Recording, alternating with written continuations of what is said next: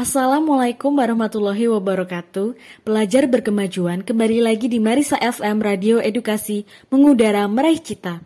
Baru saja kita dengarkan persembahan lagu Tembang Dolanan dengan judul Padang Bulan.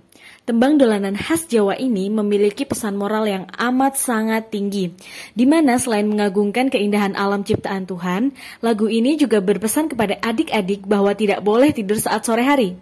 Mengapa? Karena kan masih ada sholat maghrib dan isya. Sembari menunggu waktu sholat, selain belajar, kita juga bisa bermain di halaman dengan teman sembari melihat keindahan bulan.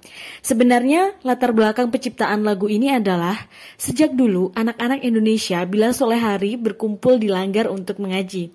Nah, sembari menunggu giliran, biasanya mereka akan bermain bersama.